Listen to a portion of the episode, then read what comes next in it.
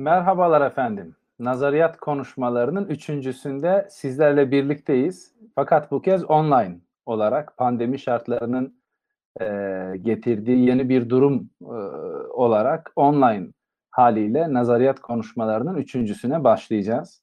Hepiniz hoş geldiniz, safalar getirdiniz. Bundan önceki iki nazariyat konuşmasında Ömer Türker e, hocanın Kutbuddin Razi'de tasdik kavramıyla alakalı bir makalesini müzakere etmiştik. İkincisinde ise ben Deniz'in e, ibn Sina felsefesinde bilen, bilen bilinen özdeşliği bahsiyle alakalı bir makalesini müzakere ve mütalaa etmiştik. Şimdi nazariyatın son sayısında yayımlanan ve tam da içinde bulunduğumuz salgın şartlarıyla yakından ilişkilendirilebilecek bir makaleyi müzakere edeceğiz. Müstakim Arıcı e, hocamızın e, yazmış olduğu e, efendim e, salgınla alakalı salgın tarihinin sessiz e, tanıkları İslam coğrafyasında salgınlar tarihinin sessiz kaynakları taun veba risaleleri literatürü başlıklı makaleyi müzakere edeceğiz. Bu e, makalenin müzakeresine değerli İhsan Fazlı oğlu hocamız moderatörlük yapacak. Ben sözü çok fazla uzatmadan hem bir mukaddime e, sadedinde makaleyi, e, önemini ve niçin müzakereye esas aldığımızı e, biraz müzakere etmesi için İhsan Fazlıoğlu hocama sözü bırakacağım. Ardından Müstakim Arıcı hocamızın e, sunumuna geçeceğiz. E, son olarak nazariyat konuşmalarının bundan sonra her üç ayda bir periyodik olarak devam edeceğini ve nazariyatta neşredilmiş e, müzakereye esas alacağımız makaleleri tartışmaya açacağını şimdiden söylemiş olayım. Yeniden hepiniz hoş geldiniz. Ben verimli ve e, Müstakim hocamızın makalesini müzakereyle aynı zamanda alana katkı sağlayacak bir e, tartışmanın yürütülmesini temenni ederek sözü İhsan Fazlıoğlu hocama bırakıyorum. Buyurun Sayın Hocam.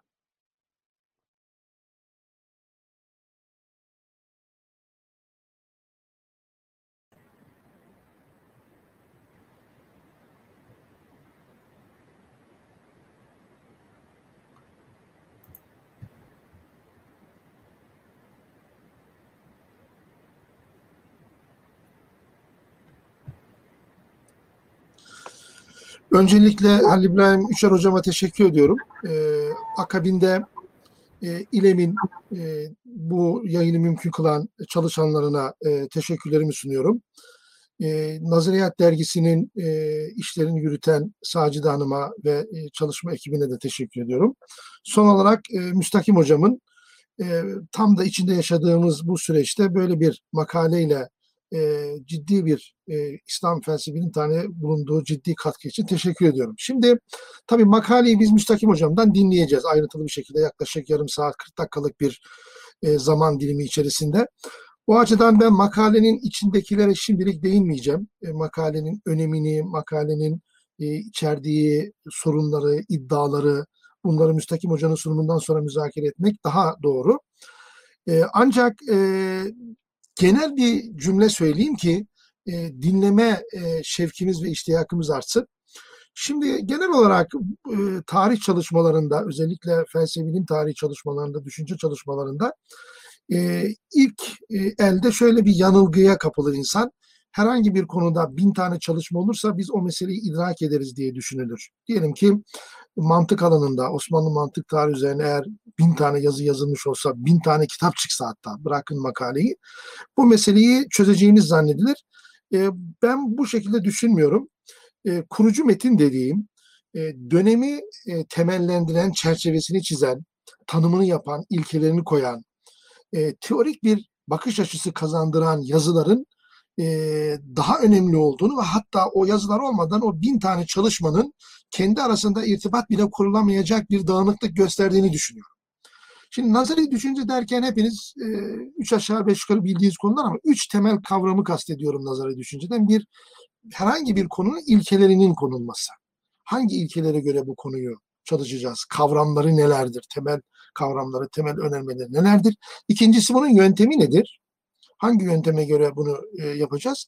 Ve bir de bu yöntemi ve ilkeleri uyguladığımız alanın kurucu unsurları neler? E, bu kurucu unsurlar her e, açıdan, farklı açılardan farklı e, olabilirler.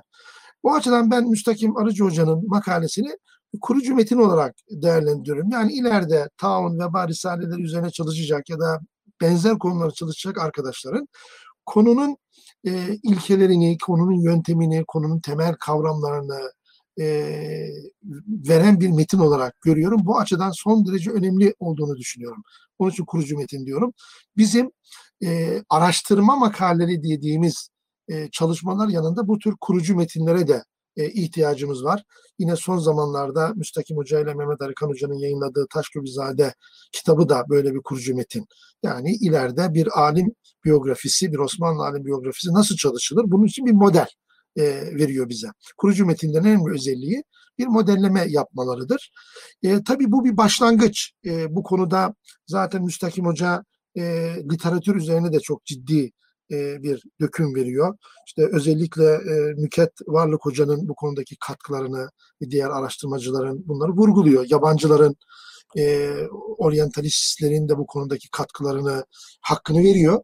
Ama e, tüm buradan hareket ederek bir genel e, şablon, model oluşturdu bize. Onun için kendisine teşekkür ediyorum.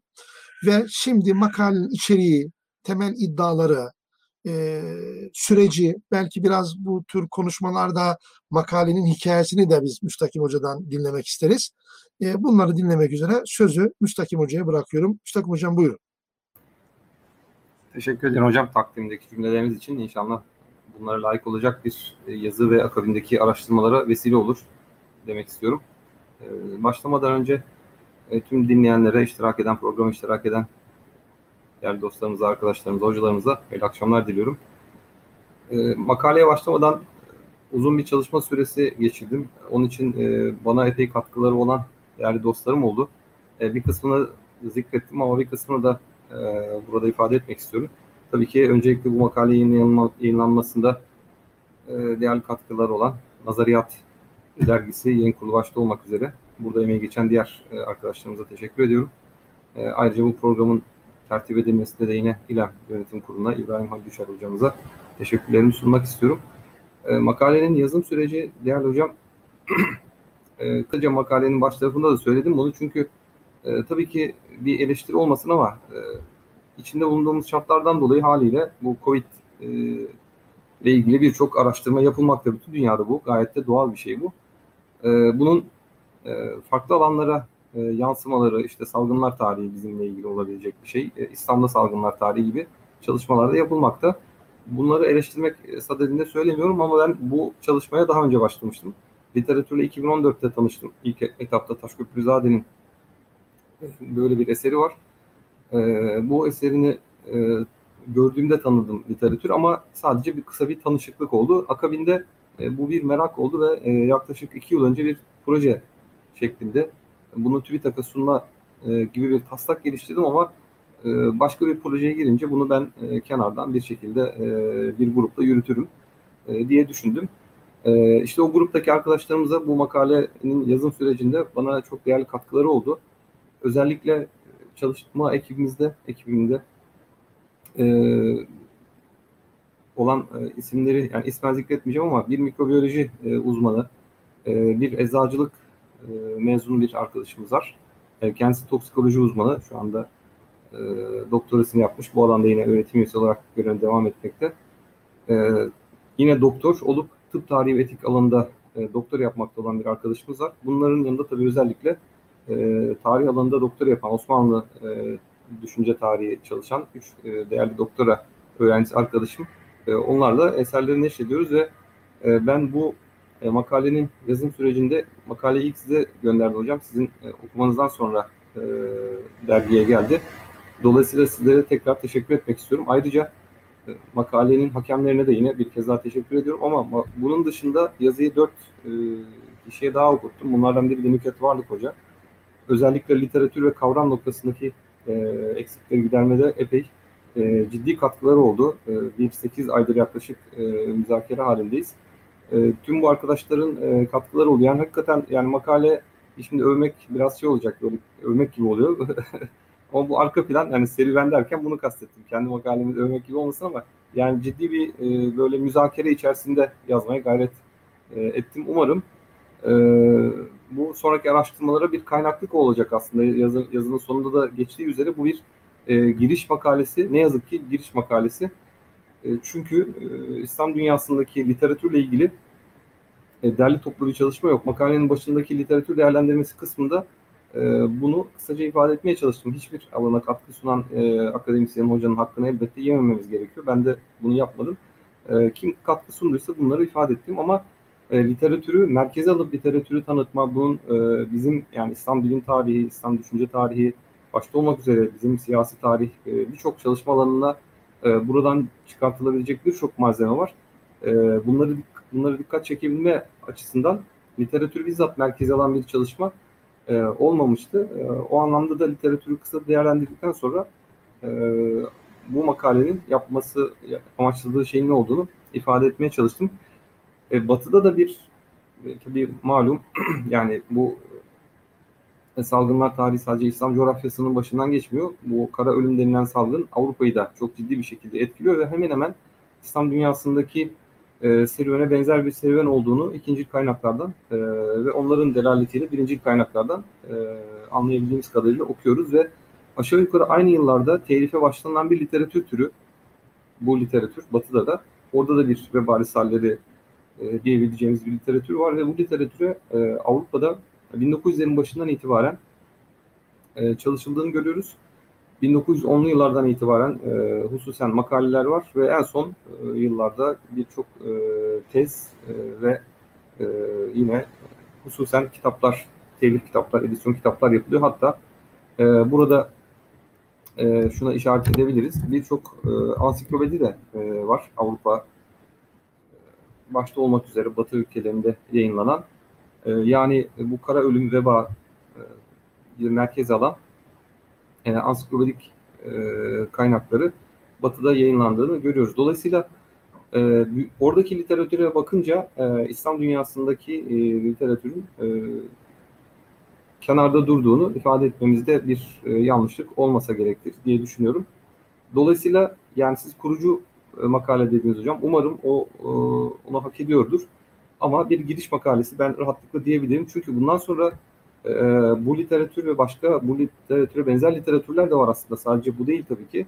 Ama salgınlar içerisinde insanlık tarihini yine e, veba tarihi çalışan birçok ismin e, genel anlamda global e, yani tıp tarihçilerinin söylediğine göre bu kadar e, insanlığı etkileyen bir hastalık olmadığı için e, hususen buna e, odaklanılması e, daha doğal ama başka salgınlar ve onlarla ilgili hususi literatürler var ve ansiklopedik tıp metinlerinin içerisinde yine o hastalıklarla ilgili e, bölümler var. Ama e, veba İslam dünyasında da batıda da oldukça merkeze alınan bir literatüre, özel bir literatüre konu e, ediniliyor ve bu literatür e, İslam dünyasında e, çok yönlü olarak çalışılmaya müsait ve ben e, vakit olur da sonlara sakladığım bir husus e, bu literatürün günümüzde de söylediği çok şey var aslında. Bugün bizim başından içinden geçmekte olduğumuz süreçte yani e, hastalığın nasıl geldiği, nasıl bulaştığı, bu bulaşmada e, ki hukuki yani fıkhi ve hukuki e, durumlar, biyoetik e, meseleler, yine bir takım sosyopolitik e, hadiseler e, bir yıldan fazladır televizyon programlarında seyrediyoruz, gazetelerde, internet haber sitelerinde okuyoruz ve tabii ki akademik makalelerde okuyoruz. Buna benzer e, tartışmaları bu hastalığın e, yazıldığı dönemlerde, e, olduğu dönemlerde yazılan eserlerde o dönemin şartlarına uygun olarak tabii ki o dünya görüşünün içerisinde tartışıldığını görüyoruz. O anlamda bugüne devşirebileceğimiz epey bir e, malzeme var ve de bu literatür bu anlamda e, çalışmaya çokça müsait. Yani sadece bir konudan mesela sosyopolitik meseleler bu literatürde nasıl tartışılıyor e, bir konudur. Bunun dışında e, bulaşmanın e, hukuki e, yani tıbbi şeyi ayrı, hukuki e, durumu yine ayrıca çalışılabilir. E, bunun dışında İslam dünyasında yazılan eserlerle aynı yüzyıllarda, aynı yıllarda Avrupa'da yazılan Latince'de ve diğer Avrupa dillerinde e, yazılan eserler mukayese edilerek iki farklı dünyada acaba e, hem teşhis, e, tanı, e, hem tedavi süreçlerinde e, nasıl bakmış iki dünyanın e, insanları. E, bu anlamda da mukayeseli çalışmalar e, yapılacaktır ve bu e, zaten Batı'da kısmen yapılıyor. E, bu çalışma inşallah bunlara vesile olur e, diyeyim. Dolayısıyla bu süreçte e, katkılarını sunan e, arkadaşlarımıza teşekkür ediyorum. Onlarla bu eserlerin bir kısmını e, neşre hazırlıyoruz. Yaklaşık bir yıldan fazla bir süreç devam ediyor. E, Taşköprülüzade. Kaç eser hocam? Şu dipnotlarda bazı eserleri işaret etmişsiniz ama toplam kaç eser şu anda tezgahta hazırlanıyor? Hocam 6 tane, 6 eser. Evet. Tabii bu arada e, şunu ifade etmek doğru olur. E, şimdi makalenin sonunda bir ek var. E, ben olabildiğince geniş bir tarama e, yapmaya çalıştım ve farklı burada ismini zikretmediğim hocalara e, yazma eser e, özellikle Arap dünyasındaki kütüphaneler, oradaki fihristlerle ilgili farklı isimlere de danıştım. E, yaklaşık bir 90 90 tane eser çıktı ama e, bir 40-50 tane müellifi belirsiz eser var. Onlar belki de bizim listeye koyduklarımız içerisinden bir kısmı aynı olabilir. Onları biraz daha e, çalışınca göreceğiz ama e, yani bu liste son bir liste değil. E, siz tabii e, yani e, bizim yaşımıza yakın neredeyse hocam bir yazma eser e, e, kütüphanelerinde övünüz geçmiş. E, yazmalar dünyası her an yeni keşiflere e, gebe. Nitekim e, dün de Mehmet Arıkan e, yeni bir Farsça risale buldu. 16. yüzyılda e, bir Osmanlı padişahına sunulan bir e, bu mesela yoktu benim makalede. Dün e, Müstakim hocam sen Mehmet Hoca'dan elden geldiğince uzak dur. O listeyi hiçbir zaman bitirtmez sana. Yeni bir eser bulur. güzel güzel bir metin. E, şeyden sonra e, birazdan konuşacağız belki. İlyas bin İbrahim İspanya'dan e, İstanbul'a gelen 2. Bayezid döneminde e, önemli bir metin yazan e, ve hükümdara da bunu e, sunan bir isim. Onun eseri Öğleden sonra İdlisi Bitlisi e, ve Taşköprüzade ve Nidai var. E, bunlar 16. yüzyılda öne çıkan isimler. O e, 1520'lerde bu eseri e, yazıyor. Yani bu eseri bilmiyorduk mesela. Dolayısıyla yani çalıştıkça o literatürde genişleyecektir. Ama ben dediğim gibi e, çok e, geniş ve derinlemesine bir tarama yapmaya çalıştığını düşünüyorum ama yazmalar dünyası çok e, yeni keşifler. Literatüre girmeden Müstakim Hocam e, çok güzel makalenin bence çok önemli e, ayaklarından bir tanesi de e, bazı kavramların tasihini yapıyorsun literatürde. Onlar üzerine de biraz e, şeyler söyleyecek misin bize? Ya, taun nedir, veba nedir? Bu çok önemli bence. Ben burada öğrendim bunu açıkçası. Evet hocam başlıklarından bir tanesi oydu. Ee, yani umarım olabildiğince doğru yazmaya çalıştım. Ee, ciddi bir kavram kargaşası var. Ee, özellikle bu hastalığın tarihçesine dair bilgi veren e, bizim tabakat ve benzeri kaynaklar, tarihi eserleri, e, tabii başta olmak üzere sonraki yıllarda yazılan kaynaklar e, bu kavramları e, birbirinin yerine kullanıyorlar. Arapçada taun ve veba kavramlarını birbirinin yerine kullanıyorlar ve başka kelimeler de kullanıyorlar. E, bunun e, Yunancasının e, Arap harfleriyle yazılımını da görüyoruz özellikle tıp kitaplarında. Dolayısıyla bir e, 8-10 tane e, kavram var. Sonra e, hekimler e, bir e, tanı yapıyorlar. Yani hastalığın fiziki şeyini, durumunu, e, alametlerini, sebeplerini e, ve nasıl bir şekilde insanda ortaya çıktığını e, söyledikten sonra e, bir ayrıştırma aslında ilk dönemlerden biri var ama işte bu tarih eserlerindeki birbirinin yerine kullanma e, sebebiyle bir kargaşaya da gidiliyor. E, taunu e, bugün işte Yersinia pestis diye şey yapılmış olan e, bakteri e, teşhisini bu şekilde koyan e, kişiye atıfla biliniyor. E, bu e, buna taun diyorlar. E, vebayı ise e, diğer başka salgınları da içerecek şekilde en genel anlamda e, salgın yerine kullandıklarını görüyoruz. Ama yine e, bu ayrım bilindiği halde e, Taşköprüzade gibi isimler yine e, eserine veba adını verebiliyor. Yine İdlisi Bitlisi veba adını verebiliyor. Onlar e, taunu kastederek vebayı kullanıyorlar. Yani böyle bir içten kaplan ilişkisi var. E, bu kavram kargaşasını e, tabii özellikle tıp tarihi hocaları, ben bu çalışmayı yaparken de az önce söyledim, e, tıp tarihi etik bölümünde bir hoca ve yine bir doktor öğrencisi arkadaşımız var. Onları da e, mümkün mertebe danışın ve Nükhet Hoca'ya, Nükhet Varlık Hoca'ya e, bu şeylerde, bu konularda bir yanlışa düşmemek için e, sürekli müzakerede bulundum. Yani bu e, şey konusu, bu kavram meselesi e, böyle bir problem olduğunu zaten alanda yazanlar da dile getirmişler. Özellikle e, Lawrence Conrad'ın bir makalesi var bu iki kavramı merkeze alan bir makale yazıyor. Taun ve veba e, şeyi ve bana da çok burada kolaylık sağladı o yazısı. Dolayısıyla taun bizim bugün veba dediğimiz şey ama e, veba e, Arapçada e, diğer başka çiçek gibi, kızamık gibi e, salgınları da içerecek üst şemsiye kavram. E, taununun bir türü ama yer yer taun eşittir veba şeklinde de kullanılmış. E, onun için Yani o zaman metinleri okurken çok dikkatli olmak Evet, lazım. dikkatli olmak. Ee, yani bunu hakikaten ne anlama geliyor? E, bu çok güzel bir tespitti. Şimdi şöyle devam etsek istersen. E, Memlük öncesi, e, sen burada çok önemli bir ayrım da yaptın. Bunu da burada öğreniyoruz. Memlük öncesi literatür ve perspektifle Memlüklerin getirdiği perspektif ayrı. Bu Memlük öncesi e, veba literatürü ve zihniyetini, bu konudaki tanıları tek- nasıl e, bir, onu bir özetleyebilir misin bize? İşte İbn Sina var, İbn Sina öncesi var. Ona belki biraz e, yani sırayla değinirsek e, takip eden arkadaşlarımız da makaleye muttali olurlar. Evet. Ya da senin e, güzergahını bozmuyorum değil mi böyle müdahale ederek? Ee, Yok hocam. Yani isterseniz bundan sonra ben e, birkaç madde oranları bitirdikten sonra Tamam. devam edebiliriz. Bu, bu da onlardan bir tanesiydi.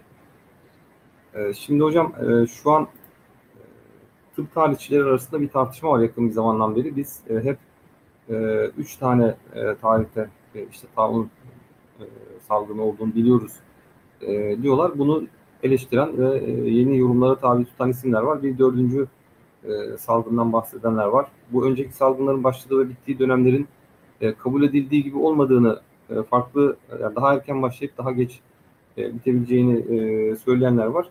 Ama her halükarda e, bu Justinianus vebası denilen e, salgının İslam bir Hazreti Peygamber'in vahiy gelmeden önce başlayan ve e, İslam'ın doğduğu topraklarda da bilinen bir olgu olduğunu biliyoruz ve bu daha da devam ediyor. E, Hicri 1. 2. yüzyıllar boyunca devam ediyor. E, dolayısıyla Müslümanlar tam da o e, dönemde bu şeyi fiziki olarak tanıyorlar ve bu e, bununla ilgili de e, yani hadislerde ve ilk dönem e, kaynaklarında bir takım e, şeyler geçtiğini görüyoruz. Bir takım haberler, bunun tanımlanması tabii ki daha ötesinde özellikle hadislerde e, takım fıkhi ve kelami tartışmaları kaynaklı gelen e, çok önemli ayrımlar, e, öneriler e, var. Bunlarla tabii yine e, ayrıca e, hadis hocalarının e, hadis e, kritiği yöntemleri üzerinden e, tartışacakları ayrı bir alan. Orası da ayrı bir konu. Oraya ben e, girmeyeyim. E, ilk, ilk dönemlerde yani Memlük öncesinde e, hastalığın e, kendisini doğrudan merkeze alıp da üzerine gidilerek bir literatürün ortaya çıkmadığını görüyoruz. Çünkü günümüze ulaşan eserler bize bunu e, gösteriyor ama bu hastalığın olmadığı ve bilinmediği anlamına gelmiyor. E, hastalık İslam tarihi kaynaklarında özellikle demin de söylediğim gibi hadislerde ve oradan hareketle e, yine diğer e, fıkıh ve benzeri kelam e, metinlerinde ve tabi tasavvuf e, ilk dönem tasavvuf e, eserlerinde de yani şeyin e, tedaviye başvurmanın caiz olup olmaması gibi e, belli şekillerde karşımıza çıkıyor. Tıbbi Tevekkül anlamda, kavramı etrafında değil mi hocam? evet hocam tevekkül çok erken dönemde e, tevekkül tartışmalarının tasavvufta da yapıldığını görüyoruz. Bunlar tabii ki e, bir parçası sadece başka hastalıklar değil, taun. E, yani onlar için başlarından geçen e, realite bu.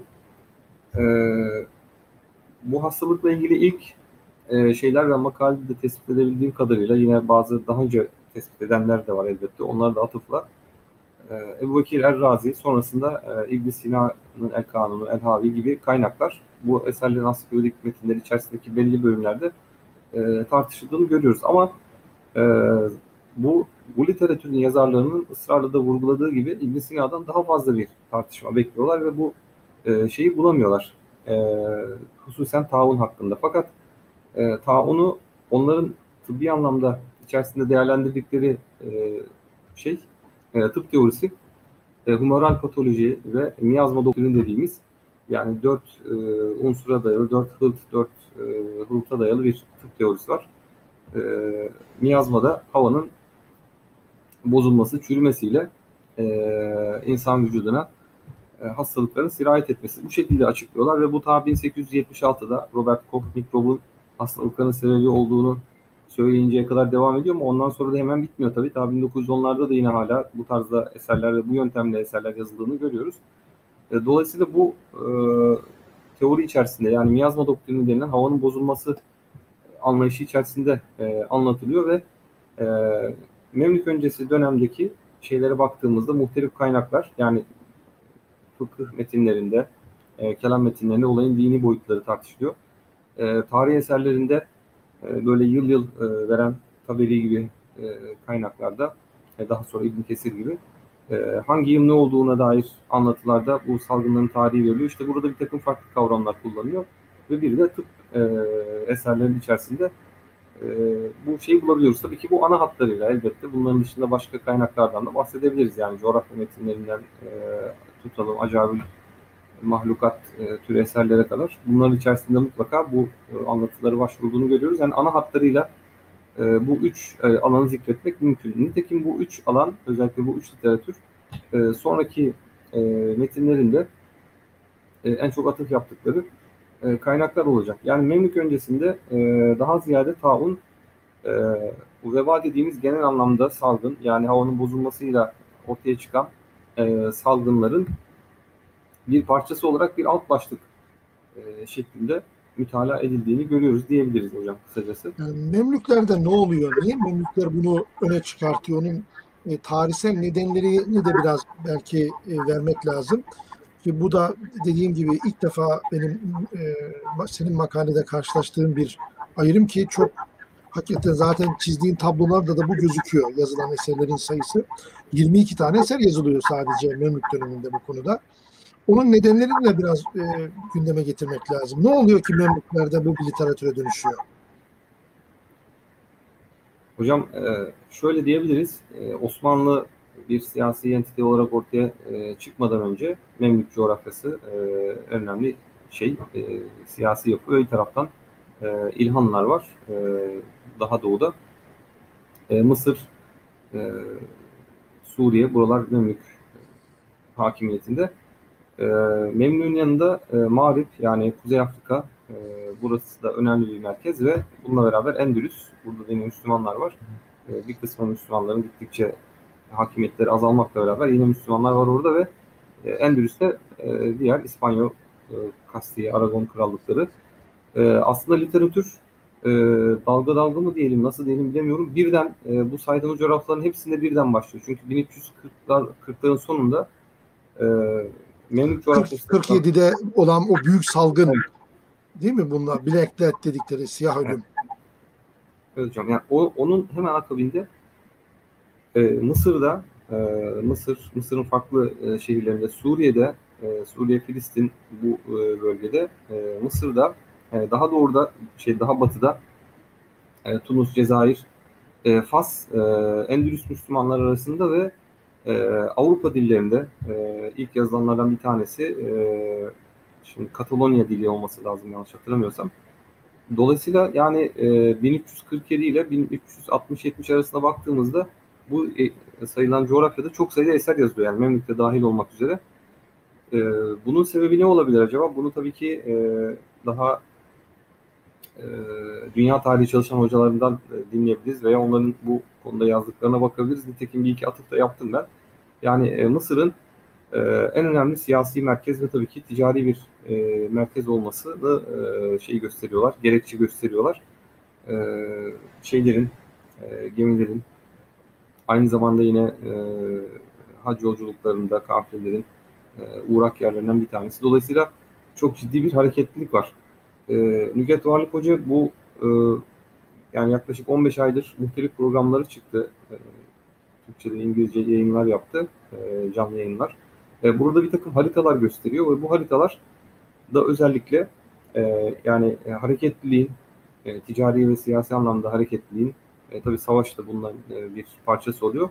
E, hareketliliğin çok olduğu yerler, e, o güzergahlar, e, hareketliliğin e, kalkış ve varış noktaları e, buralardaki şeyin daha fazla olduğunu e, gösteriyor. Tabii bunu neye dayanarak gösteriyor? Arşiv kaynaklarına, diğer, diğer tarih kaynaklarına geçen e, anlatılara. Dolayısıyla e, bu, bu kaynaklar e, bize Mısır'ı merkez olarak gösterdikleri için biz de Mısır diyoruz dedik yani onlara atılan hocam. Dolayısıyla e, Mısır'da olan bu. Öyle olunca da tabii ki tam merkezinde olunca e, buna bir çare aranması her anlamda bir çare. Hem e, en başta tıbbi hem de diğer e, dini de diyebileceğimiz.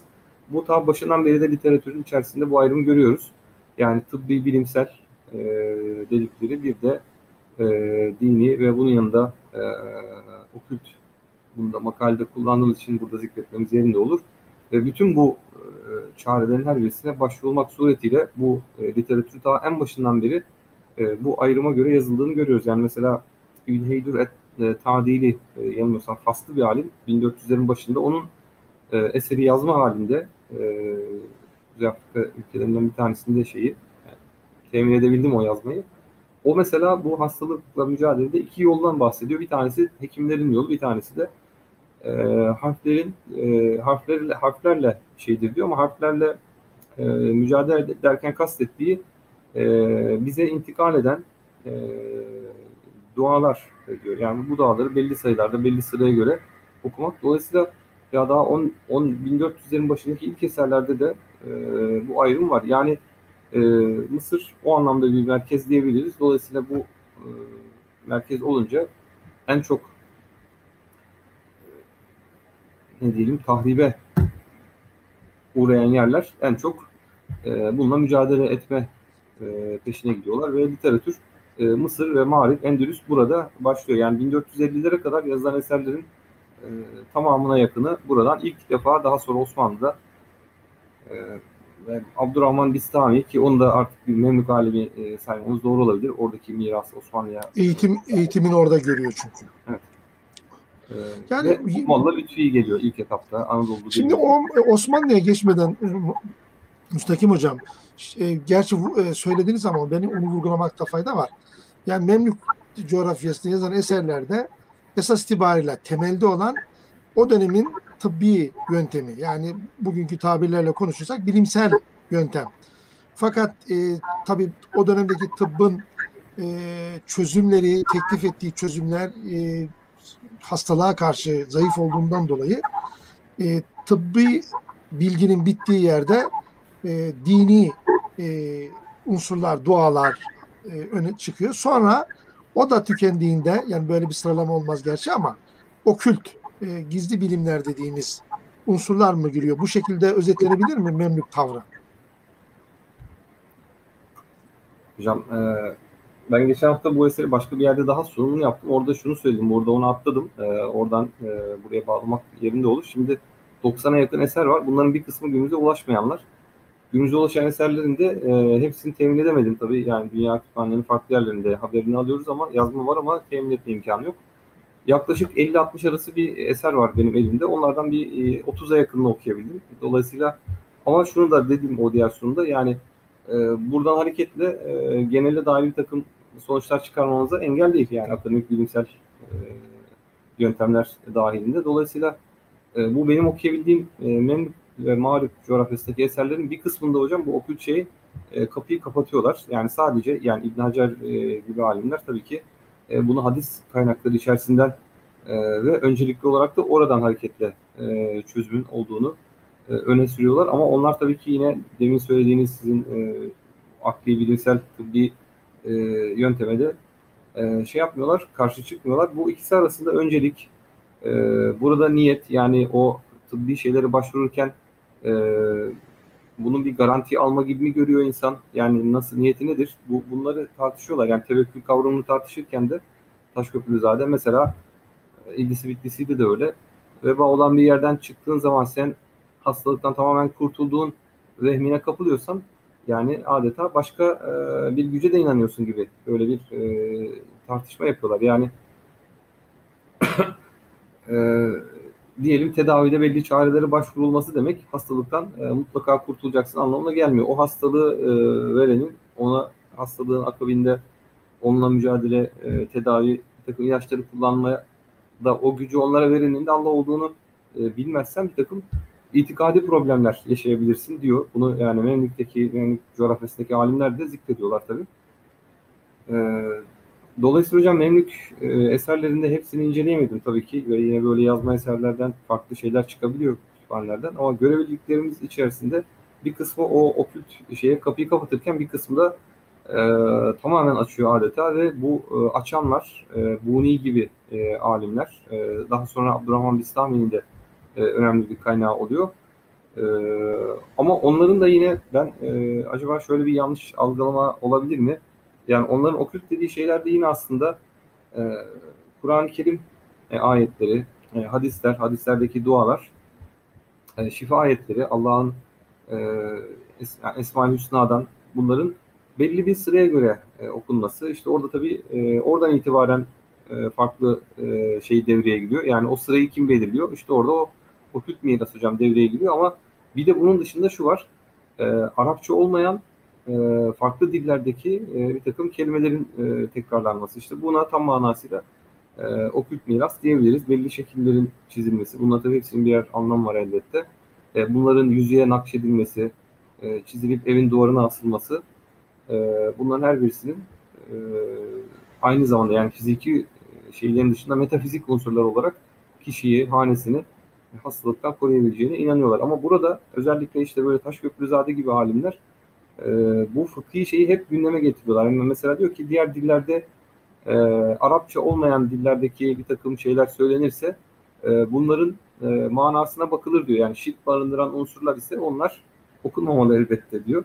Yani o alimler için e, de böyle bir tamamen yani ne olursa olsun e, bu kültüre olduğu gibi e, alıp kullanalım gibi bir e, şey de yok. Yani belli e, sınırlar dahilinde bunu yapıyorlar. Mesela çalışılmayan bir eser olarak İbn Kemal ki yani referans olarak çok önemli bir isim. Osmanlı'da Şeyhülislam e, İbn Kemal'in de böyle bir eseri var. Onun da e, aynı bu tarzda yazdığını görüyoruz. Yani ben gerçi size sorudan Osmanlı'ya geçtim ama yani Memlük dönemindeki eserlerin bir kısmında hocam e, bu kültüre pek sıcak bakılmazken e, tıbbi şeylerin dışında, tıbbi çarelere başvurmanın dışında e, Hazreti Peygamber'in İslam öncesinde olan bir şey rukye, okuyarak tedavi. Bunun İslam'da da e, caiz görülen kısmı var diyorlar. Onun da yine hadis kaynaklarına belli şeyler atıf yaparak örnekleri e, bunların okunmasını merkeze almayı e, önerdiklerini görüyoruz. Ama bir kısmı da işte bu Buni gibi e, alimler e,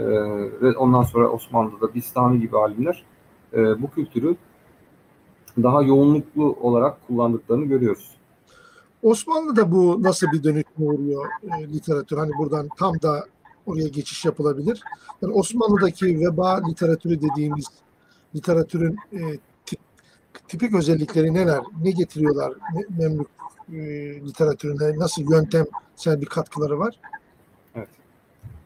E, hocam e, yani şu an yine o çekinceyi söyleyerek e, girsem cümleye iyi olur. Yani ulaşabildiğimiz kaynaklar etrafında tabii konuşuyoruz. Yeni şeyler mutlaka e, Nihai cümleleri söylemiyoruz tabii. Yani evet, biliyoruz çünkü e, yani elindeki malzemeden hareket ederek şüphesiz öyle. Yani bu bilimsel bir konuşma neticede. Hocam şöyle diyebiliriz. Yani e, Memlük co- coğrafyasına yazılan e, aynı zamanda Malik ve Endülüs'te katılımına oradakilerle Osmanlı'daki arasında aslında bir süreklilik elbette var. Yani böyle bir e, benim makalede böyle Osmanlı ile Memlük'ü anlatırken ikisi birbirinden e, farklı gibi anlattığıma dair bir durum varsa o benimle alakalı öyle diyeyim. Yani aslında e, o Yok madde- sürekliliği vurguluyorsun. Sürekliliği çok açık bir şekilde vurguluyorsun. Orada hiç böyle bir şey yok, ayrım yok. Yani Memlük e, literatürü Osmanlı'da devam ediyor. O çok açık metinde. Ama yeni şeyler eklediğinde söylüyorsun. Yani ben onların hani dile Evet. getirilmesi için sordum. Hocam yeni şeyler olarak evet şunları ifade edebiliriz. Ee, sürekli devam ediyor. O kelami tartışma zaten ta konuştuk. İlk yüzyıllardan beri İslam'ın ilk dönemlerinden beri e, hangi alanlarda eserler yazılıyorsa orada e, eserin siyak sıvakı içerisinde tevekkül olabilir bu bir şekilde. Kelami tartışmalar, fıkhi e, meseleler gündeme geliyor. Haliyle bu Memlük coğrafyasında bu literatürde olmuştur. Başka eserlerde de olmuştur. Osmanlı'da bu devam ediyor.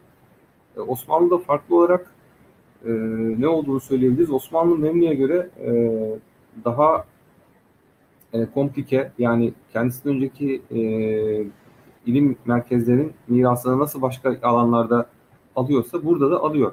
Yani tabii bu Memlük'ten sonra gelmeyle alakalı bir durum. E, onu tabii dikkat et, almamız lazım. Yani e, hem İspanya'daki mirası alıyor Osmanlı, kısmen do- dolayısıyla Avrupa'daki mirası alıyor, hem Memlük mirasını alıyor, e, hem e, İran ve daha e, doğudan gelenlerin e, mirasını alıyor. Dolayısıyla e, daha bütünlükçü bir bakış açısı e, var. E, kelami tartışmalar, felsefi tartışmalar benim görebildiğim kadarıyla daha derinlemesine yapılıyor. Bu öncesinde yapılmıyor anlamında değil. Memlük döneminde de tevekkül tartışması var ama Osmanlı döneminde bu eser yazanların e, şahsi tecrübeleri ve e, alandaki e, vukufiyetleriyle alakalı. Yani Taşköprüzade gibi bir e, nazariyatçı olunca bu konuda eser yazan biri e, metin biraz e, biraz değil tam bir kelam metnine dönüşüyor. O bölümleri e, okuyan kelam hocalarımız daha iyi değerlendirmeler yapacaklardır. E, dolayısıyla yani mesela İbn Hacer'in eserinde de bu tartışma var ama Taşköprüzade'de tevekkül tartışması daha e, sadece e, rivayet usulü dediğim dirayet usulünün daha e, derinlikli bir şekilde yapıldığını görebiliyoruz. Bunun dışında yine bir başka özellik olarak e, Memlük'te ilim dili Arapça, e, Osmanlı'da Arapça tabii ki ama Osmanlı'da diğer dillerde e, işin içerisine girecek e, Arapça metinler yazılıyor yoğunluklu olarak. Benim makalenin sonunda verdiğim bir e, şey vardı. E, Tablo var orada. bir tablo vardı eserlerin yazıldığı Evet, evet diller diller. Onu bu Çok arada güzel bir tablo evet. e, şekil e, bir de galiba beşinci e, şey onu bir şekil bir e, arkadaşımız yansıtırsa güzel olur.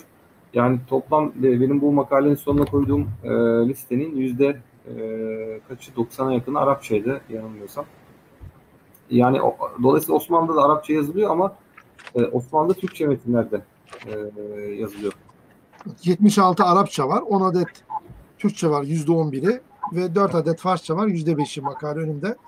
Bir de e, e, Müst- Müstakim Hocam İdrisi Bitlisi'ye özel bir yer veriyorsun. Onun ayrıcı vasfını burada dile getirsek de e, takip eden arkadaşlarımız muttali olsunlar. Çok iyi olur.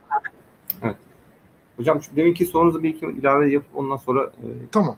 Tabii iyi buyurun. olur. buyurun. Ee, yani Osmanlı'da Türkçe eserler yazılıyor, e, Farsça eserler yazılıyor.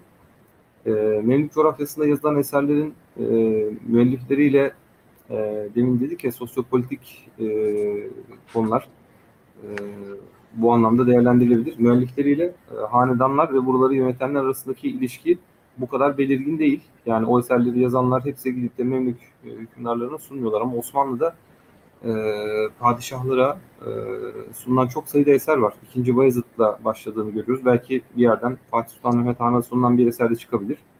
E, İkinci sonra- Mahmut'a kadar devam ediyor değil mi? Yani modernleşme dönemine kadar. Evet, Yavuz Sultan Selim Kanuni, e, ikinci Selim, e, daha sonra e, ikinci Mahmut döneminde özellikle tabii o kolera salgınları çoğalıyor o dönemde 1800'lü yıllar, 1810'lu 20'li yıllarda.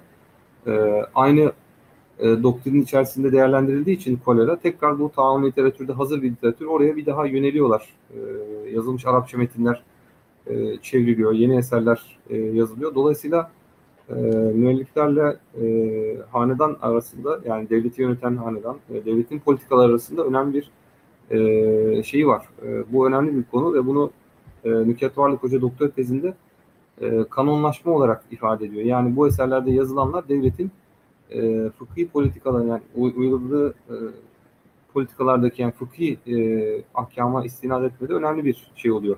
Yani fetva mecmualarında görüyoruz ama devlet bir karar alıyor. Mesela 2. Mahmut döneminde e, bir e, encümen kuruluyor. Bu encümende bu şeyler e, bu e, eserlerden istifade edildiğini görüyoruz. Dolayısıyla yani bu eserler uygulamayı da e, açık bir şekilde e, Belirliyor. belirliyor, yönlendiriyor diyebiliriz. E, bir başka husus e, yani birkaç tane daha var ama yani çok burayı derinleştirmek belki şey olmayabilir. Bir kısmını makalede de yaz- yazamadım. E, bunlardan bir tanesi de özellikle e, 1500'lerden itibaren, 1600'lerden itibaren e, Avrupa'da Latince'de e, yazılmış olan eserlerin e, Osmanlı dünyasında kullanıldığını görüyoruz. Bunun en e, şey örneği, bariz örneği sizin de çok iyi bildiğiniz bir e, hekimbaşı İbn Sellum'un bir e, 6-7 varaklık bir Veba Risalesi çevirisi var. Orada e, 1600 yıllardaki yaşamış bir hekim Senert'e atıf yapıyor. Onun e, uyguladığı yöntem böyledir diyor. Yani demek ki e, Memlük'ten farklı olarak e, en azından Memlük'ün ilk eserlerinden farklı olarak e, bu Latin e, şeyde tecrübesi. Frenk diyarını da takip ediyorlar ya da e, Takip oradaki ediyorlar, evet. eserleri. Burada hocam şuna şey yapabilir miyiz? İdrisi Bitlisi'ye geçmeden bir, bir soru Tabii var. tabii. Bununla alakalı olduğunu görünce birinci soru ben bunu da cevaplamış olalım. Tarihte Batı'da ve İslam dünyasında bu hastalıklarla ilgili bilgiler verilirken e, birbirlerinden haberdarlar mı? E, mukayeseler yapılıyor mu? Evet. Evet bunu işte bu alanda yazan özellikle veba tarihi yazan e, çalışmalarda benim baş tarafta literatür değerlendirmesinde yer verdiğim metinler bunu örneklendiriyorlar. Haberdar olduklarını görüyoruz. ama e, demin de başta söylediğim gibi Ama bu yani, biraz da tarihsel anlamda soruyor. Yani bir anlamda, evet. Osmanlı'da yazılan bir veba risalesi ki ona cevap verdin aslında. Batı'dan haberdar mı ya da Memlük dönemindekiler Batı'dan haberdar mı? Ama tabii oradaki Batı her zaman metin üretmiyor. O, o Batı, modern Batı yok o dönemde yani. Biraz da buna dikkat almak lazım.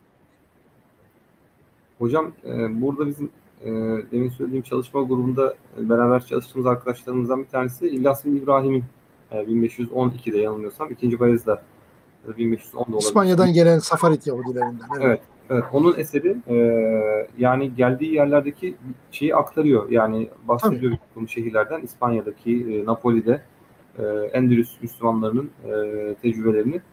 E, dolayısıyla e, onlar da e, Memlük ve Osmanlı'ya geldiği zaman buradaki eserlerden e, haberdarlar. Bir e, bilgi e, akışı var, bir bilgi aktarımı var.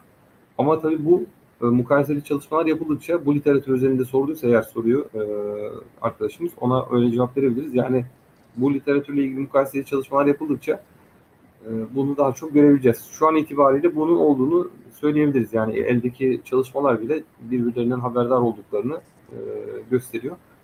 Hocam İddisi Bitlisi'ye e, eğer e, geçecek olursak yani İddisi Bitlisi'nin şahsi tecrübesi eseri yazımına çok belirleyici rol oynamış gözüküyor. İkinci Bayezid döneminde e, hacca gidiyor. E, 1510 olabilir, 910 olabilir. Yani 3 sene falan sürüyor gidiş dönüşü. E, hacca gidiyor. E, o, o sırada Osmanlı tahtında değişiklik oluyor. Yavuz Sultan Selim Han e, hükümdar oluyor ve İdris Bitlisi'ye e, haber salıyor geri gelmesini. Bunları kısaca anlatıyor eserinin başında İdris Bitlisi. E, gelirken e, bir şey salgını, bir taun salgını çıktığını e, haber oluyor ve e, normalde güzergah haç kafilelerinin gelirken e, Anadolu'ya dönerken, İstanbul'a dönerken pardon e, güzergahları İskenderiye'ye kadar karayoluyla gelip oradan yani Halep'e gelip karayoluyla daha böyle e, batıya yöneliyorlar. Sonra e, gemiyle İstanbul'a geliyorlar. Fakat e, İskenderiye tarafında bir salgın olduğunu görünce şey, Bitlisi, Bitlisi haber alınca e, buraya gitmekten vazgeçiyor ve e, Halep tarafından şeye dönüyor. Yani Suriye'den Anadolu'ya e, dönüyor. Bunu da anlatıyor şeyinde şehirleri de. Hatta şehir Yani veba olan yere girmeden e, orayı teyit geçiyor. Ve bunun da e, tabii büyük bir ihtimalle ben orasını kendisi de söylemiyor ama e, babası tanınan bir alim. E, coğrafyada tanınıyorlar. E, İdris Bitlisi gibi biri böyle bir şey nasıl yapar? Yani korktu da kaçıyor gibi bir şeyler, bir şeyler çıkıyor hakkında. E, ve o Biraz da bürokratik şeyler onlar. Şimdi o ailenin gücünü kırmak için bahane tabii biraz da. Evet. Olan, evet. Evet. E, o da ben bunlarla verimsiz bir tartışmaya e, girmeye, girmeyeceğim diyor. Devam edeceğim yoluma ve e, gidip eserini yazdığım zaman söyleyeceğim orada söyleyeceğim diyor. E, eserin adı da e, veba olan yerlerden kaçma e, veya çıkma anlamına yani iba e, kelimesini kullanıyor. E, tabii şimdi kendisi böyle bir tecrübe bizzat yaşıyor. E, bir takım ithamları da maruz kalıyor. Eserine böyle bir başlık veriyor ve başında da doğrudan tevekkül ve diğer cebir, e, irade gibi kavramları tartışıyor ki e, hakikaten yani bayağı e, yoğun bir kelam tartışması var orada onu ifade etmek lazım. E, işte demin kastettiğim oydu. Bu tartışma şeyde de var. Yani elbette Memlük'te de var ama burada tam bir e, kelam metni, bir felsefi e, tartışma da aynı zamanda. E, çünkü işraki e, şeyleri de giriyor orada ta, e, bir takım kavramlara. Misal aleminden e, bahsediyor mesela e, bir şekilde alakayı kurarak. Ama şeyi de çok e, dakik bir şekilde vurguladığını görüyoruz. Senin makalede de var. E, akli tıp, bilimsel tıp, o dönemdeki bilimsel tıbbın e, yöntemlerini sonuna kadar uygulamayı da öneriyor. Tabii, evet. Evet, e, bu çok ilginç e, İdrisi Bittisi'nin bu vurgusu. Evet yani hem e, teşhiste hem de e, tedavide. Teşhiste tabii yani sebeplerinin nereden geldiğini bilemiyorlar. Çünkü o eldeki paradigma e, onların e, sınırlar içerisinde bir takım Doğru. e, şeyler cevaplar sunmalarına sebep oluyor ama tedavide daha e, şeyler daha bir zengin bir rehber var ellerinde öyle diyebiliriz. Yani hangi ilaçlar, hangi tütsüler e, kullanacak, yeme içme Hatta e, beslenme tarzlarına kadar spor değil mi? Hepsini Evet, orada daha çeşitli ama e, sebepler konusunda daha e, ellerinde az bir bilgi var. Dolayısıyla hocam dediğiniz gibi yani eldeki malumat sonuna kadar kullandıklarını e, görüyoruz. En azından bu e, isimler böyle yani Disi Bitlisi ve Taşköprüzade e, bu şekilde. Dolayısıyla orada senin bir iddianı ben gündeme burada taşımak istiyorum. Hani bir önceki nazariyatta yayınlanan Taşköprüzade'nin veba risalesinin değerlendirmesi senin burada ciddi bir itirazın var. Bunu altını çizmek lazım. E, okült bilimler e, kullanılıyor. Çünkü o dönemin e, tıbbi paradigmasında bir sınır var. İşte biraz önce ifade ettiğin gibi nedenleri tespit etmekte çok zorlanıyorlar. Veri yetersiz. Ama e, okült bilimleri de asli değil araçsal kullanıyorlar. Ben bu vurguyu çok önemsedim. E, altında çizdim. Dolayısıyla hem İblis Bittisi de hem Taşköprüzade gibi e, mütekellim tarafı, fıkıh tarafı ağır basan alimler e, hurufi demek e, birkaç örnekten hareket ederek e, doğru değil diyorsun ve bunun e, yeni bir tanım getiriyorsun. Yeni bir kavramsallaştırma yapıyorsun. Bunu araçsal olarak kullanıyorlar. Çünkü tıkanıyor sistem. Sistem e, dertlere çare olamıyor. Ama oraya kadar e, bilimsel tıbbı kullanıp ondan sonra dua et. İşte gerekiyorsa okült e, unsurlar kullan diyorlar gibi anladım. Bunu e, nasıl e, doğru mu anladım? Yani bu önemli bir nokta diye düşündüm. Hocam şimdi İdlisi Bitlisi olsun, e, İbn Kemal olsun e, ya da e, Taşköprüzade olsun bu isimlere hurufi e, denmiyor da harfi diyenler var. Cornel Fletcher e, özellikle Abdurrahman Bistami'nin e, eserinde de bu ifade geçiyor. Taşköprüzade de geçiyor. Yani bir ayrım yapıyorlar ama e, bu ayrım e, e, Osmanlı araştırmaları da çalışan herkesin nezdinde aynı mıdır? Yani aynı karşılık bulabilir mi? Çünkü hurufilik dendiği zaman e, geniş bir şey var. E, Fazla Esterabadi'den e, başlayarak bir yelpaze var. Daha O çok bir din, o din tabii o yani o Esterabadi'deki din de e, biz hurufilikten öte okült dediğimiz o ulumul hafiye anlamındaki hep genel olarak kullanırsak. Hocam ben şeyi kastettim. Yani e, hurufi dendiği zaman akla ilk etapta o, o şey gidiyor. Dolayısıyla yani harfi demeleri biraz daha e, doğru bir şey ayrım. E, Doğru ya da ilmul huruf diyorlar bazen. e, harfi dendiği zaman huruf. İşte Din olan hurufilikten ayırmak için. Evet şeyden e, Esteravadi'den ayırmak için. E, ama işte onlar da ne kadar e, o öyle şeyin mensubudurlar veya e, bu- burası tabii ayrı bir tartışmalı ve benim şeyim dışında yani uzmanlık e, birikimimizin dışında okült ilimleri e, yoğun bir şekilde çalışmak lazım. E, ama ben görebildiğim kadarıyla yani ortada e, bir başa çıkılamayan bir hastalık var. Burada bir takım Arapça ifadeler kullanıyor. Yani zor hastalık, e, neredeyse tedavisi imkansız gibi böyle Arapça kelimeler var. E, Dolayısıyla burada e, caiz olarak gördükleri bence bu önemli bir şey. E, her yönteme başvuruyorlar. Başvuruyorlar. Bu anlamda da bu kültüre de başvuruluyor ve ben onu araçsal derken e, öyle düşünüyorum. Bence Yani çok güzel bir tespit. Yani ben onu ben açık, açıksız ben de onu kullanmayı düşünüyorum. Çünkü e, o amalgam içerisinde öncelik sonralık sırasını bazen karıştırıyoruz. E, gerçekten çözümsüz bir hastalık. Sen o Arapça ifadelere de yer vermişsin. Bugün bile bir e, diyelim ki bir baba, akademisyen, profesör ben tanıdığım için söylüyorum isim vermeyeceğim. Modern tıbbın verileri o hastalığa tedavi olamıyorsa sırf o çocuğu için, oğlu için ya kızı için e, alternatif tıbbın da ötesinde hatta bu tür e, durumlara başvuruluyor. Gayet insani bir şey. Tabii. Ama modern tıbbın tüm imkanları tüketildikten sonra bunu günlük hayatımızda da gördüğümüz bir şey. Hele o dönemde tıp çok gelişmemiş e, bir durumda. E, bunu e, kullanıyorlar ama neticede e, diğer şeylere de başvuruyorlar. Bu o açıdan araçsallık kelimesi buraya çok oturdu diye düşünüyorum. Evet. Evet. Belki bir de son olarak hani vaktimiz de ilerledi sorulara geçeceğiz. E, bu arada e, dinleyen arkadaşlarımız e, soru bölümünden yazabilirler. Seyir, şey, sohbet kısmına sorularını yazabilirler. Oradan arkadaşlarımız bu soruları bize yönlendiriyorlar. E, bunu da ifade edeyim. Şimdi e, bir şey daha dikkatimi çekti.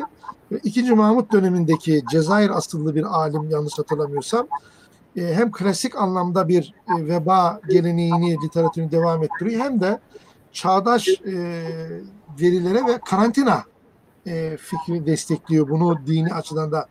O da çok ilginç geldi bana. Bu, bu mekanizması nasıl e, yorumluyoruz bunu? Evet, Hamdan bin Osman El Cezayiri. E, İkinci Mahmut e, Han'a e, Arapça bir metin yazıyor. E, yani eseri Türkçe'ye de çeviriyor daha sonra hükümdarın isteği üzerine. E, o eserde de aynı İddisi Bitlisi'yle Taşköprüzade'de gördüğümüz e, tartışmaları e, bir devamını görüyoruz.